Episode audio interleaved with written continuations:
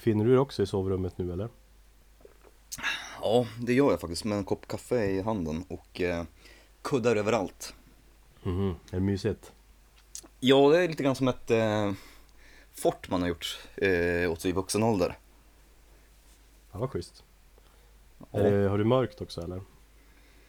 Jag har dämpat eh, så mycket som jag kan med, med belysning och dragit för persienner och gardiner så att eh, lite små behagligt för den här podden är det faktiskt. Jag har mörkt. Och så har jag en öl. Och whisky. Ja, lite whisky. Lite så smuttande whisky för min hals. Så. Jag ska ju köra bil eh, om ett tag så att eh, jag får hålla till godo med en stor kopp svart kaffe i min Monolord-mugg. Mm. Och den har jag sett på bild. Ja, det är bara den jag dricker kaffe ur. Ingen annan får dricka kaffe ur den. Jag hade en totalt jävla mörkermugg men eh, min livspartner eh, tappade den i golvet. Just det. Ja, men är du redo? Jag är redo, kör igång. Då kör vi.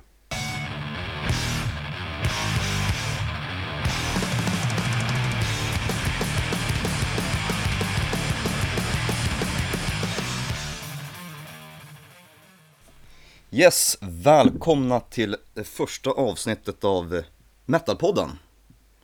Något som förhoppningsvis ska vara en eh, företeelse långt framöver. Vi får se, idéerna är många och eh, men tiden är lite knapphändig. Eh, Men vad säger du Erik?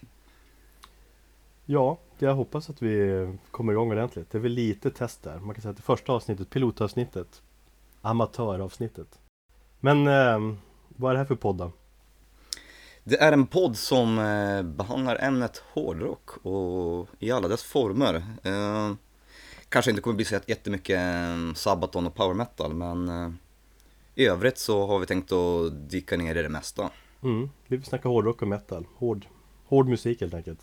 Hård musik och eh, vi är ju musiknördar, Ja, in, inte hårdrockare. musiknördar men mest lutat åt hårdrockshållet kanske. Ja. Ja, det är en viktig eh, definition eller distinktion mellan de där två begrepp, begreppen för att jag har aldrig sett mig som en hårdrockare. Nej, inte riktigt jag heller. Jag ser mig som en musiknörd. Eller jag kommer att tänka på nu. Uh, Danko Jones släppte en spoken word-platta för en massa år sedan. Tio år sedan kanske. Just det. Och han beskrev sig själv som en professionell musiklyssnare. Ja, Och lite som, som han beskrev det, att det, det stämmer in mycket för mig. Det enda jag verkligen brinner för och tänker, det är musik hela tiden. Nya skivor, konserter och så vidare. Men vad är det som skiljer en professionell eh, musiklyssnare från en eh, amatörmässig sådan? Men amatörmässigt, de lyssnar bara lite ibland och det kanske är fredag och släpper man på Bruce Springsteen-plattan och så vidare. Mm. Ja, i och för sig. Jag tänker mer att jag lyssnar och engagerar mig dygnet runt. Ja. Men du, vad eh, betyder hårdrocken för dig då? Jag har sagt det betyder ju väldigt mycket. Musi- Musik är ju liksom den största delen av mitt liv ska jag säga. Och Mer än din son? Va? Mer än din son? Ja, men så kan man inte jämföra ju. Det är ju intresse, olika, det är, musikintresset så har man en son. Två vitt skilda saker.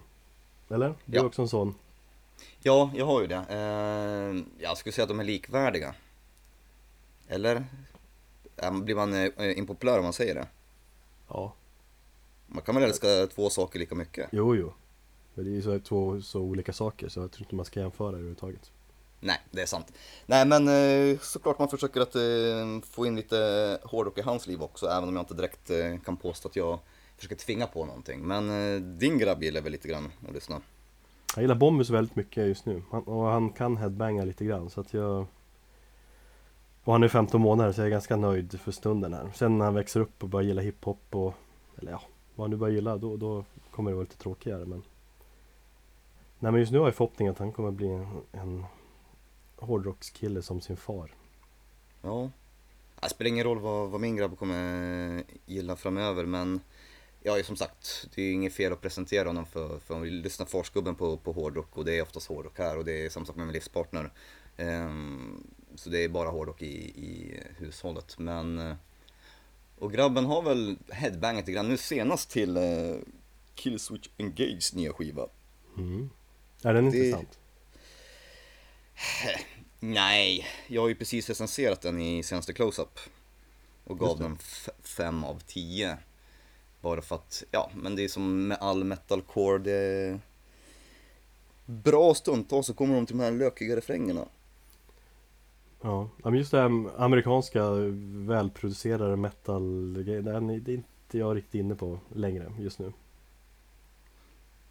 Nej, jag var inne på det mm, kanske när jag var yngre, men inte just nu. Men i alla fall, han verkade uppskatta det och tyckte det var kul att springa omkring och hoppa och headbanga till det så att Vad fan, då fortsätter vi med det. Ja, ja absolut. Jag menar, Ja. bättre än Takida eller Sabaton. Hur uh, hittade du hårdrocken från början då? När blev du frälst? 1991, Mm. en lördag morgon. Exakt när det var, det vet jag inte, men eh, en lördag, eh, och jag tror det var sommar. Och du vet, det var ju Skurtik på TV. Och jag var åtta, skulle bli nio år gammal. Eh, så tittade jag på mina barnprogram där, det var ju Turtles, det var ju Transformers och sen så var det lite mindre intressanta barnprogram och då brukade jag slå över till eh, MTV och då var det eh, Metallicas Enter Sandman som eh, den videon gick. Och Guns N' Roses You Could Be Mine som hade den här fräcka videon med Arnold Schwarzenegger från Terminator 2 som var den coolaste filmen. Jag kunde inte se den förrän långt mycket senare för att jag, mina föräldrar förbjöd mig att se den. Så det var ju någon sån här liksom man, man var ju lite fascinerad av, eh, av filmen och sen så tyckte jag att musiken som Guns N' Roses gjorde var riktigt, riktigt häftig och det var bra. Ja. Medan Metallica var mer skrämmande. Och då tänkte jag på de här ormarna och... Det är lite läskig video där va? Det är mardrömmar och faller och, och så vidare. Ja, precis.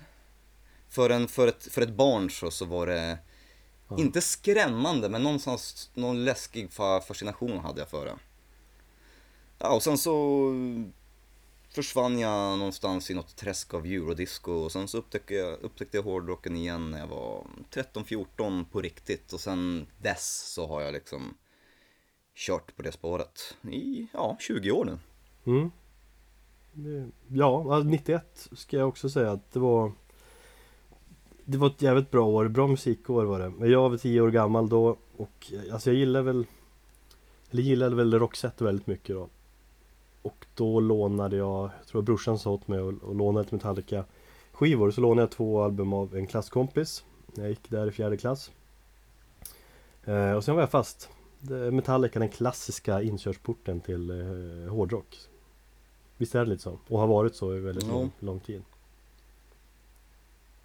Det beror på lite grann vilka generationer. Jag tycker 80-talisterna är väldigt mycket... Eh, eh, jag läste en eh, intervju med Erik Danielsson i Watain. Mm, han är ju, jag tror 81 eller, ja, han är i alla fall våran årgång. Och han är ju, han fastnade ju i Metallica och Guns N' Roses precis som, ja, du och jag. Så jag tror att 80-talisterna, de har det bandet som inkörsporten. Och jag tror att 70-talisterna har Slayer och Iron Maiden. Så att det är så här, för varje, för varje årtal så finns det ett speciellt band. För för varje årtionde kanske man skulle säga. Ja, för varje årtionde, ja. Ja. Ehm, exakt, och för 60-talisterna kanske det var de här klassiska 70-talsbanden då med Black Sabbath och Led Zeppelin och och så vidare. Som Roses framförallt Ja. ska jag säga då, de två. Sen, det känns som de senaste tio åren, In Flames tror jag är en, en klassisk inkörsport till hårdrock för många. Ja, det var det ju för mig när jag väl upptäckte hårdrocken andra gången där, när jag var 14 år. Då var det ju In Flames för hela slanten och det var ju eh, hela Göteborgs soundet med Dark Tranquility och At the Gates och hela den svängen. Och där har In Flames legat i täten. Uh, om man säger i alla fall kommersiellt och har haft störst framgångar. Så att det är ju de Det är väl det, det bandet som flest upptäcker. Ja, Ehm, och det känns, kanske i alla fall från eh, den här lite mer kommersiella plattan, lite mer elektroniska Reroute to Remain-plattan. mm.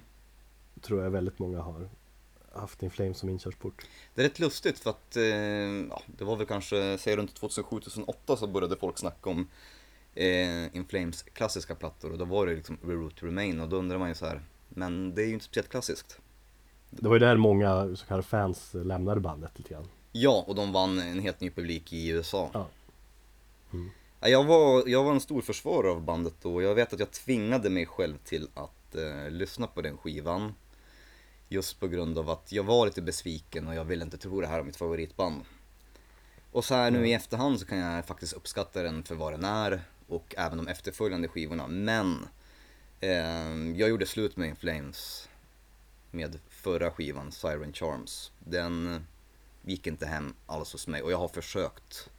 Till och med Det var ett lite för, för stort experiment. det handlar inte om att det är så mycket ett stort experiment. De har experimenterat rätt så friskt tycker jag och... Nej, jag vet inte, den blev bara... Den känns gubbig. Ja. Det, det blev, för mig så blev det väldigt eh, tydligt att nu är det här, nu är det här gubbar liksom. Nu, nu är det restaurangen som de har, det är hantverksbryggeri av öl och, och så, ja men vi spelar in musik och känner oss lite bekväma med tillvaron.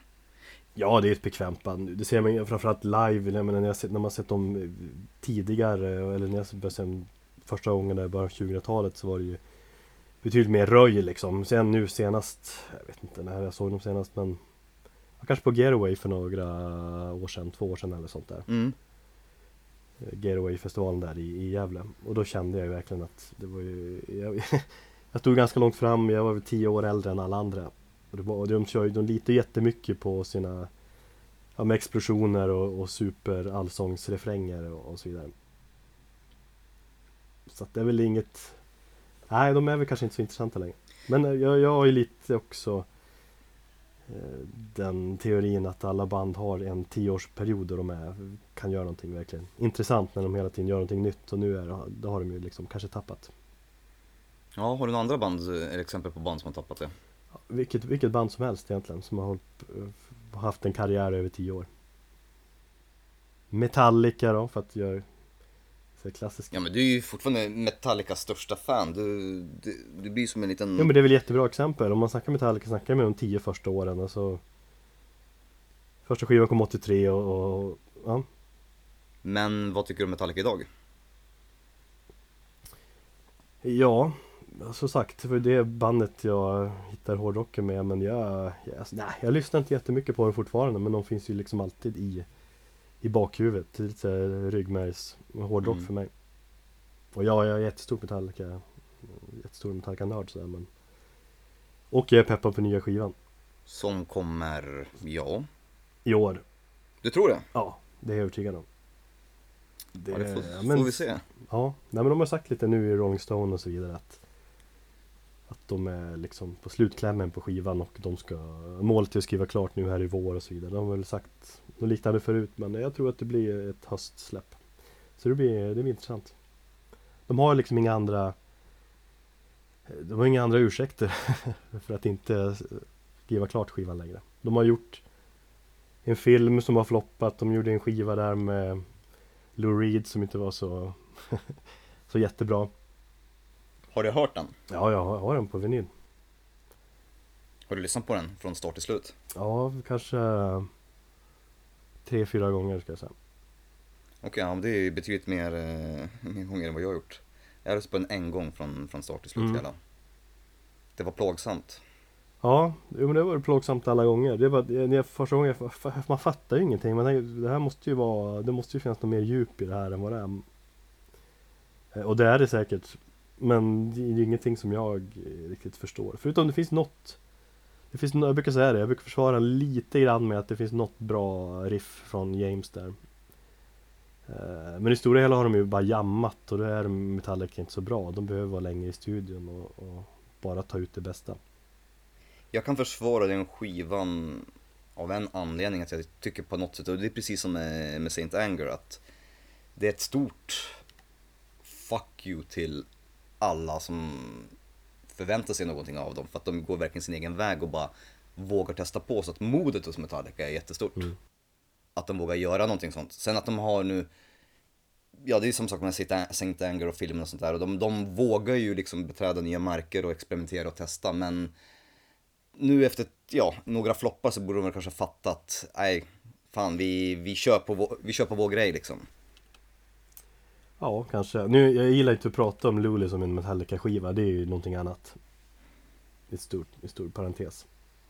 Men jag gillar Death Magnetic väldigt mycket så att... Eh, eller jag gillar väldigt mycket eh, på den. Eh, inte produktionen och lite för långa låtar och så, men mycket var bra på den också. Så att jag tror fortfarande de kan göra lite stordåd. Om James Hetfield är liksom Om han mår bra. Eller om han mår dåligt kanske. Jag tror jag han skriver bra låtar. Mår han dåligt nu? Nej, jag tror inte det. Jag tror han mår ganska bra. Tyvärr. Ja, klyschan om artistiskt lidande, Mm. eller hur? Ja. Men eh, kommer det någonting till Sverige, vet du det? I år? Nej, de har ju kommit, eller de, de åker till Europa varje Varje sommar, det har de gjort de senaste tio åren så att de De kör nog säkert någon festivalspelning Jag tror inte de spelar I Sverige i år, de spelade ju Ullevi Förra sommaren och sommaren dess så körde de här Stockholm Field så att nej, det blir inte Sverige nu Men det blir säkert någon Kommande eh, turné Kanske 2017, Mm. något sånt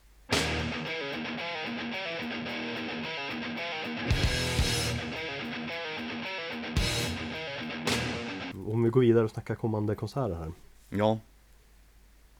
Bombus. Nästa vecka, den 25 mars. Mm, det är de här små spelningarna jag ser fram emot mest. Jag har ju ledsnat lite på de här stora super eh. Dock lär man ju sig gå och se Black Sabbath. Jag har inte köpt biljett men När spelar de? typ juni eller juli. På Friends Arena där ju. Men det gjorde de ju senast de var här i Sverige också. Jo, men nu är det sånt här Monsters of Rock paket va? Okej. Med, med Volbeat och ett annat band. Jag trodde de skulle få dit någonting märkvärdigare. Så. Men det är väl det är väl Black Sabbath man åker dit för då. då. Och det blir sista gången man får chans att se dem. Så att det, oh, det, det, det måste man ju gå på. Iron Maiden på Ullevi, nej. Det blir för, nej.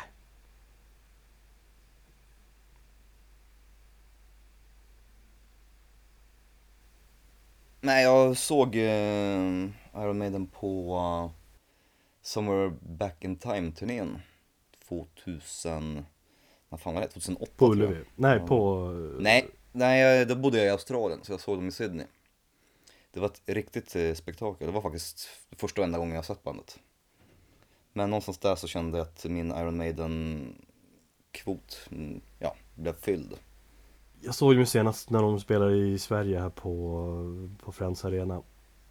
Det, alltså, det är för mycket Mm. folk och ståplats där. Det, och värdelöst ljud var det. Jag är besviken. Men de är ju fortfarande alltid kul liveband men jag kommer inte åka till Göteborg. Vill du verkligen gå och se Black Sabbath i Friends Arena med tanke på hur det lät förra gången de var här?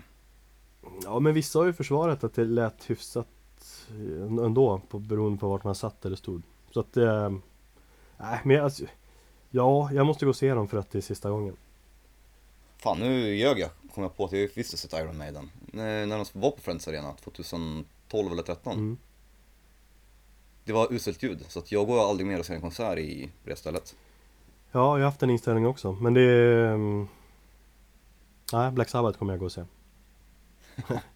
Ja, nej men eh, det är ju klubbspelningar som du och jag gillar.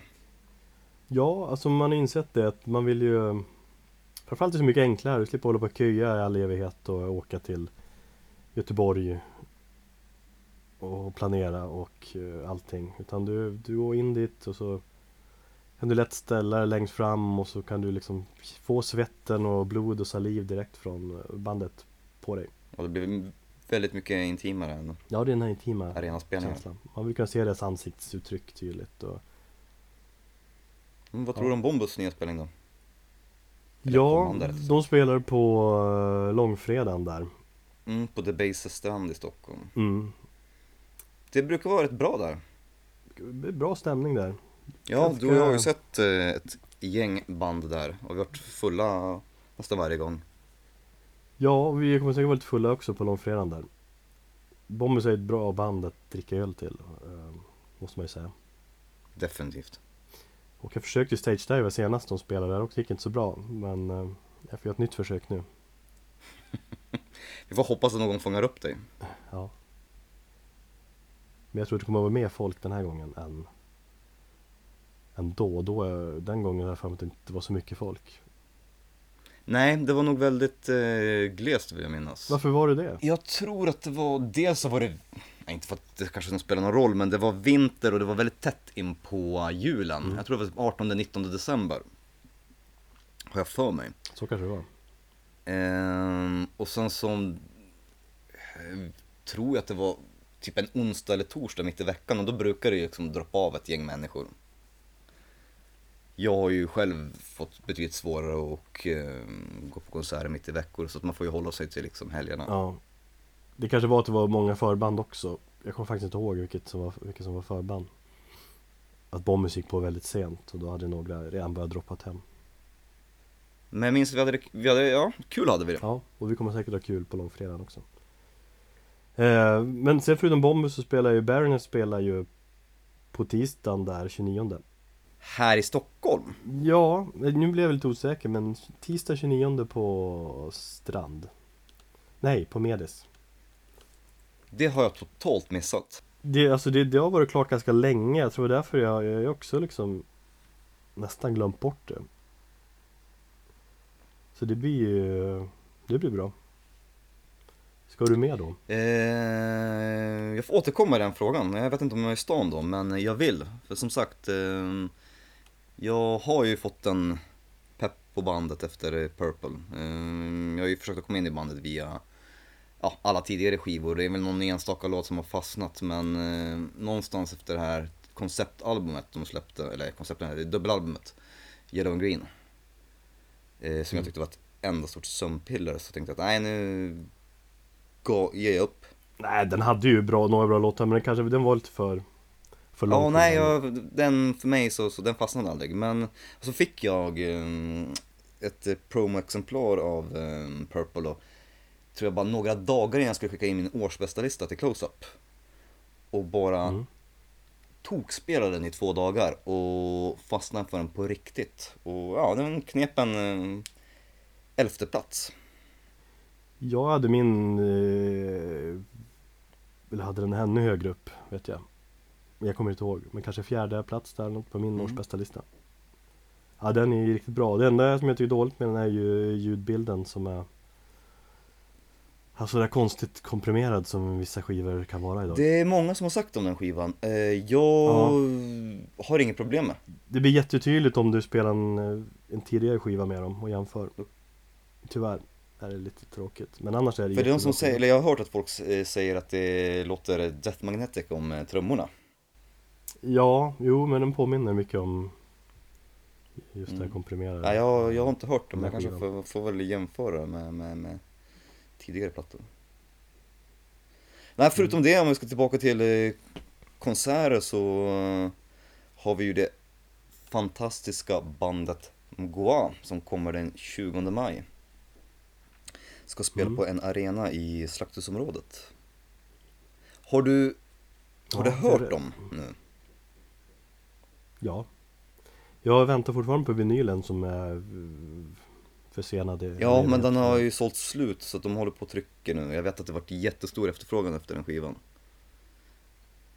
Det var sånt jäkla snack kring det bandet Ja, det är, eh, faktiskt ja, eh, enligt mig, utan tvekan förra årets bästa platta. Alla kategorier. Det är en av de bästa black metal-plattor som har kommit på den här sidan 2000-talet. Och det är en klassiker, Mm. tror jag, långt, långt in i tiden också. Så, så mycket tycker jag om den. Och det är du inte ensam att göra heller Alltså den var ju uppe i toppen på många Många års bästa listor om jag Stämmer. minns rätt Jag tror att det, det är stor risk att det kommer att vara slutsålt I god tid på den spelningen Ja, du får ju köpa Har du biljett. köpt biljett? Ja, ja, det gjorde jag redan när de annonserade spelningen i början av januari. Såklart. Nej jag, jag brukar köpa, jag är sån här som köper biljett sista veckan. Ja, det brukar, ju, det brukar ju vara så när du är helt plötsligt i panik eh, eh, skriker att det inte finns några biljetter dagen innan en spelning och sen så lyckas du aldrig komma över dem på något sätt ändå. Precis. Inte dagen innan, jag brukar kolla ja, men veckan innan och är det slutsålt då blir jag ju förbannad. Men då brukar man lyckas få tag på en biljett ändå. Kolla lite Blocket och sådär. Och ibland kan man få biljett till halva priset också, det har hänt så att, eh, Den senaste det hände var ju när vi skulle gå och se Uncle Acid and Deadbeats. Mm. Du fick ta det där på, eh, till slut. Ja, då köpte jag en kille där, träffade han på stationen och köpte den. Jo men det- typ 200 spänn billigare eller något sånt där. Ja, för fan. En annan ska ju alltid vara ute i god tid för att jag...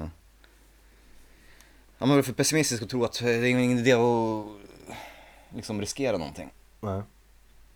Nej, så därför var jag ute i god tid med Mgoa och jag tror att det kan bli riktigt bra av att döma av de flesta spelningar som de har gjort i Europa nu på sistone så har de fått väldigt bra eh, recensioner. Mm. Ehm, sen så kanske det kommer bli en sån här jättelivlig spelning för de står ju mest bara stilla i eh, masker, kåpor och eh, ibland står de till och med med ryggen emot publiken. Mm. Men så är det om man är true cult. Det lät ju sig väldigt utstuderat så här och lät lite Ghost. Ja, möjligt att det är det. Nu tycker jag inte att MGA är ett speciellt utstuderat band utan de...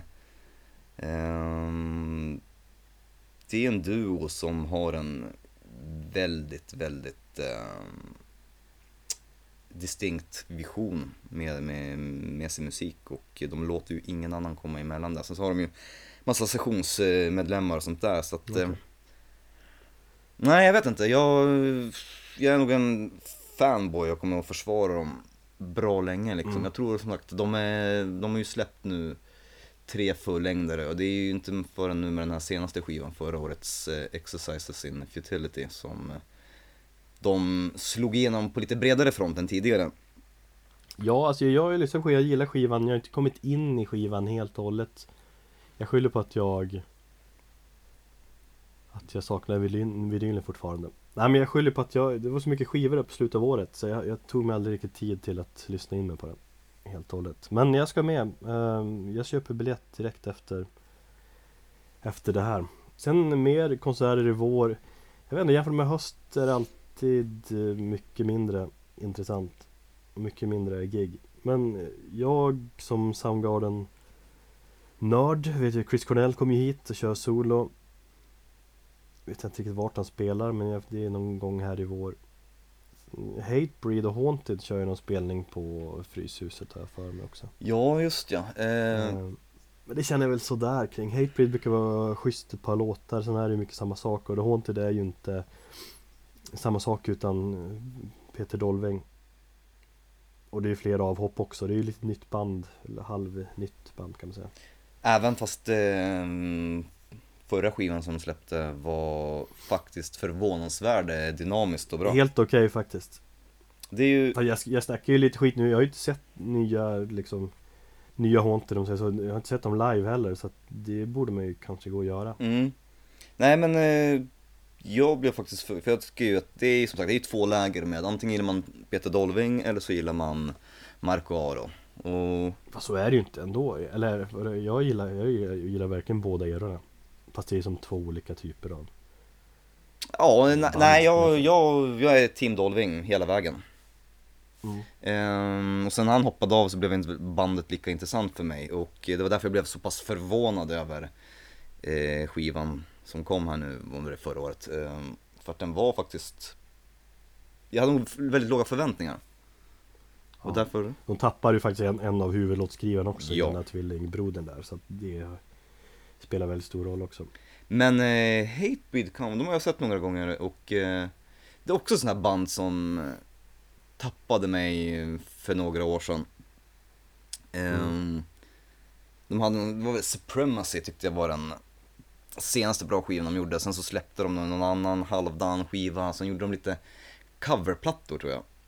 For the Lions där de skulle tolka en massa eh, kända metal och hardcore-band. det, det har jag helt missat, har de släppt en sån skiva alltså? Ja, och sen så har ju, var ju Jasta ute med sitt soloprojekt och hade sig och sen så släppte någon skiva 2011 eller 12 som hette Divinity, eller The Purpose of Divinity eller någonting och den var väl också så här halvt. Men de kommer ju med en platta här nu i april eller maj Mm. eh, som heter The Concrete Confessional. Och den är faktiskt riktigt bra. Mm. Den är så pass bra så att jag kan liksom kavla upp mina, mina skjortärmar och visa min hatebreed-tatuering igen. Efter att ha skämts för den i några år. Varför har du skämts för den? Nej men du vet, det är ju en sån här jävla carpe diem grej som man gjorde när man var mm, 20 år och, och ja, naiv och trodde att man kunde uppnå allting här i världen. Och arg på allt och alla. Ja, precis. Så var det någon form av så här, ja men du vet, eh, någon påminnelse om att sluta tro, eller att aldrig sluta tro på, på ens drömmar och bla bla bla bla. Och sen så kom livet däremellan och ja, ja. Så att jag bakade in den i, en, i ens liv och, och liksom lät den fortfarande vara där. Men nej, att säga att jag skäms för den vore, vore fel, men det är väl kanske ingen tatuering jag skulle gjort idag. Nej. Å andra sidan så hade jag inte tatuerat mig överhuvudtaget idag. Är som jag. Jag är ju lite unik på det sättet. Ja, men det är ju det är kul. Mm. Unik ska man vara. Ja. Eh, sen eh, annars eh, konsertmässigt i vår här så är det ju är det ju Roadburn som jag laddar inför. Du ska åka på det? Jajamän. Okej. Jag kommer nog aldrig komma iväg dit. Jag hade ju sagt eh, för två år sedan att 2016 ska jag försöka mig på det. Men eh, ja, det vill sig inte. Så att, eh, jag säger så här, jag tar en raincheck på den till nästa år. Ja. Man måste ju vara ute i god tid eh, och biljetter släpps väl på tidig höst där så att det är då man måste Brukar inte biljetterna släppas typ dagen efter att festivalen har eh, liksom avslutat? Nej, Det känns som att det är väldigt tidigt. jag tror, nej det är väl lite senare Men boende och sånt där bör man boka i tid så det borde, Vissa bokar ju det när de kommer hem igen, då bokar de samma hotell och så vidare Mm. Nej, men jag har ju varit där en gång för två år sedan och det var ju riktigt, riktigt bra. Bästa festivalen jag har varit på överhuvudtaget. Uh, lätt. Och i år är det tioårsjubileum och ja, jag har egentligen inte hunnit gräva ner mig så mycket i vilka band som spelar. Jag har ju koll på de här största. Banden New Roses spelar ju och eh, Paradise Lost ska köra hela Gothic-plattan. Uh, Cult of Luna ska köra hela Summer Along the Highway-plattan. Just ja, ja de, de kommer ju vara här i, på Cirkus i Stockholm också. Ja, Var det fe- det ska jag nog 15 gå på april. också. Just det. Det är också en spelning att kika in. Det är coolt. Jag gillar den plattan sånt- jättemycket. Ja, jag, jo jag tyckte deras, att det är deras bästa platta. Mm. Ehm, men det är coolt att ett sånt extremt band som det ändå är Cult of Luna. Måste man ändå säga. Hårdare uh, band. Att, det, att de spelar på Cirkus. Det tycker jag är ganska häftigt. Fast jag har sett um, Opeth där tidigare. Jo, men de är ju samt, de är ju Jo, de är väl också extrema men samtidigt de är ju nästan lite folkliga Känns det som de har ju blivit det på senare år om inte annat. Ja Speciellt när han, när han går all in på prog Progrocken där eh, Har släppt dödsen nästan helt och hållet så är det ju eh, Ja jag tyckte de är nästan folkliga och han, de spelar ju 20-årsjubileumspelningen förra året Ja. Det var ju på Kulturhuset. Precis Ja, väldigt folkligt. Nej inte Kulturhuset, det var ju på På Hötorget där, vad heter det? Jag heter inte Kulturhuset. Kulturhuset ligger vid Plattan Ja men, ja någonstans spelar de och de är folkliga. Ja, de är folkliga Och det är väl inte, jag menar det är inte Kataluna på samma sätt Så därför tycker jag det är coolt att de spelar Att de spelar på ett så fint ställe som Cirkus Mm. Ja, Jag har faktiskt inte så mycket mer spelningar eh, som jag eh, eh, ska gå på. eh, Moth Gader, var du på den förresten? Nej, det är en, där hade vi någonting där livet och kom emellan. Ja Och jag var på, hade semester eh, Och Behemoth-spelningen där på arenan hade varit schysst att se också. Men det var på en söndag. Ja, och jag hade det var gräsänkling där hela helgen så det var ju hårt där fredag och lördag så jag var lite seg på söndagen. Men jag hade tänkt gå fast med en polare från Övik som eh, hängde med en tjej istället på kvällen och sket i mig. Men det var ju lika bra för jag var ändå så trött. Ja, nej men vem fan lägger en spelning på en söndag? Det var lite synd för att jag har hört att um, Behemoth gjorde en väldigt bra spelning. Och just att de körde igenom hela The Satanist eh, från start till slut. Det, det hade jag jättegärna velat se. Mm, jag också. Eh, men speciellt med tanke på att, eh, ja, landsmän och Nergal och jag, vi kommer från samma ställe, i, från samma stad i Polen. Mm, du gillar alla band från Polen. Nej, inte riktigt, men det är rätt många som kommer faktiskt från, från Gdynia och Gdańsk där. Mgła kommer ju till exempel från Krakow. Just det. Ehm, och Behemoth kommer ju från Gdynia. Mm.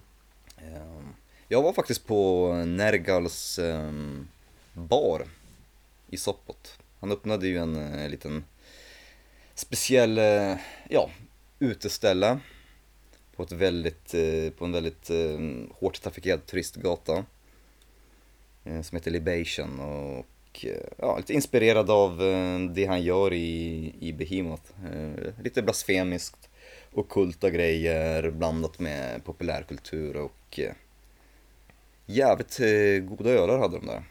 Mm. Bland annat så hade ju Vart, vart var den sa du? eh, hans ställe Ja, i Sopot. Ja.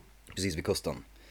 Ehm, Libation hette stället och ja, nu är det så att eh, Nergal är ju en människoartist som gillar väldigt mycket naket. Och de har ju, den här klubben har ju en, så temakvällar där de, ja, får- folk klär ut sig, eller tjejer klär ut sig till sexiga nunnor och bla bla bla. Det är liksom, det kan man ju väl säga vad man vill om. Men eh, som fast om man har sett eh, Behemoth, deras musikvideo så är det väl Så köper man det Eh, ja, absolut. Det är ju oftast eh, mycket naket i dem. Ja, Det är det. Nej, jag kan tycka att just i, i fallet liksom döds och black metal så kan det bli, det börjar bli lite tjatigt liksom. Det, att liksom kvinnliga nunnor ska bli, ja, vara lättklädda och sånt där. Så att eh, han har betydligt bättre idéer som jag vet att han kan genomföra än just det. Och det är lite tråkigt att behöva se det här i, på den här klubben. var det typ Cradle of Filth först med den grejen? När jag tänker nunnor och, och blod, då tänker jag på det bandet Eh, absolut, det var de. Eh, jag hade ju en bild på en uppspikad, storbystad nunna, nunna, nunna eh, på väggen. Uppspikad Ja. på ett upp och nedvänt kors bara liksom för att provocera föräldrarna. Du tyckte din morsa var tveksamt? Ja, hon var... Hon hade väl sina åsikter om det men hon lät mig väl hållas som den älskvärda mamman hon är. Ja Men eh, det var det, och sen så var det någon, någon Dismember hade man och sen så Cannibal Corpse tror jag också hade någon affisch. Eh, Men ja, du har rätt. Det, Cradle of Filth började ju, då var de ju faktiskt relativt bra. Eller så var man bara ung och eh, inte hade så bra koll helt enkelt, jag vet inte. Nej men alltså, om vi snackar det här, äh, min teori om att band var tio år så var, alltså det, var från början, första skivan, var de väl intressanta. Sen Sen bytte de ju så jäkla många medlemmar, alltså jag vet inte hur många medlemmar det bandet har haft genom åren. Nej, jag har ingen koll Hur på många det. som helst. Och då tappar väl mycket av själen. Det var väl någon svenska med i också, var det inte Erlandsson? Erlandsson har ju spelat med dem, ja Ja, och så, var det, Trummisen från Netty Gates och eh, Haunted och sen så var ju inte Nick Barker också som spelade Dimmu Borgir. Ja just det Han har nog också trummat för dem. mm. Eh, ja, nej, men eh, de var ju bra när man var, när man var 14 och ville chockera.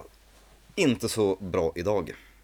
Nej, det Mm. håller jag med om Ja, har vi täckt eh, konserterna för, för den här gången eller? Har du någonting mer? Just i vår, jag tänkte, eller metal-svenskan har jag alltid varit lite intresserad av att åka i Örebro Mm, Ehm, Jag tror de har ganska bra band där i år också, Bombus tror jag spelar där. De skulle få till nog eh, rätt så bra line-up, vill jag minnas. De brukar få det faktiskt. Så jag har aldrig varit där heller, det är 3-4 juni, är det så sent? Jag tror det var tidigare på året Eh, Ghost, Napalm Death, Soilwork, The Haunted, eh, Bombus The Living Dead Men ja. Ghost. Tribulation Ghost kommer ju dra massorna till den, till ja, den festivalen Dark Funeral. mm. Nej men jag, jag, jag har alltid varit lite nyfiken på att dra dit Ja, Så det kanske man ska göra någon gång.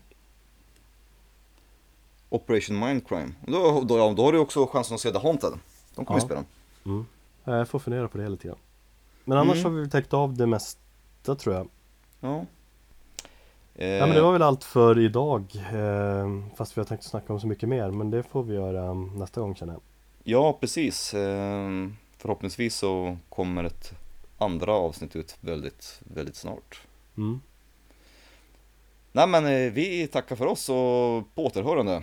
Ja, Ha det bra! ha det bra. Hej!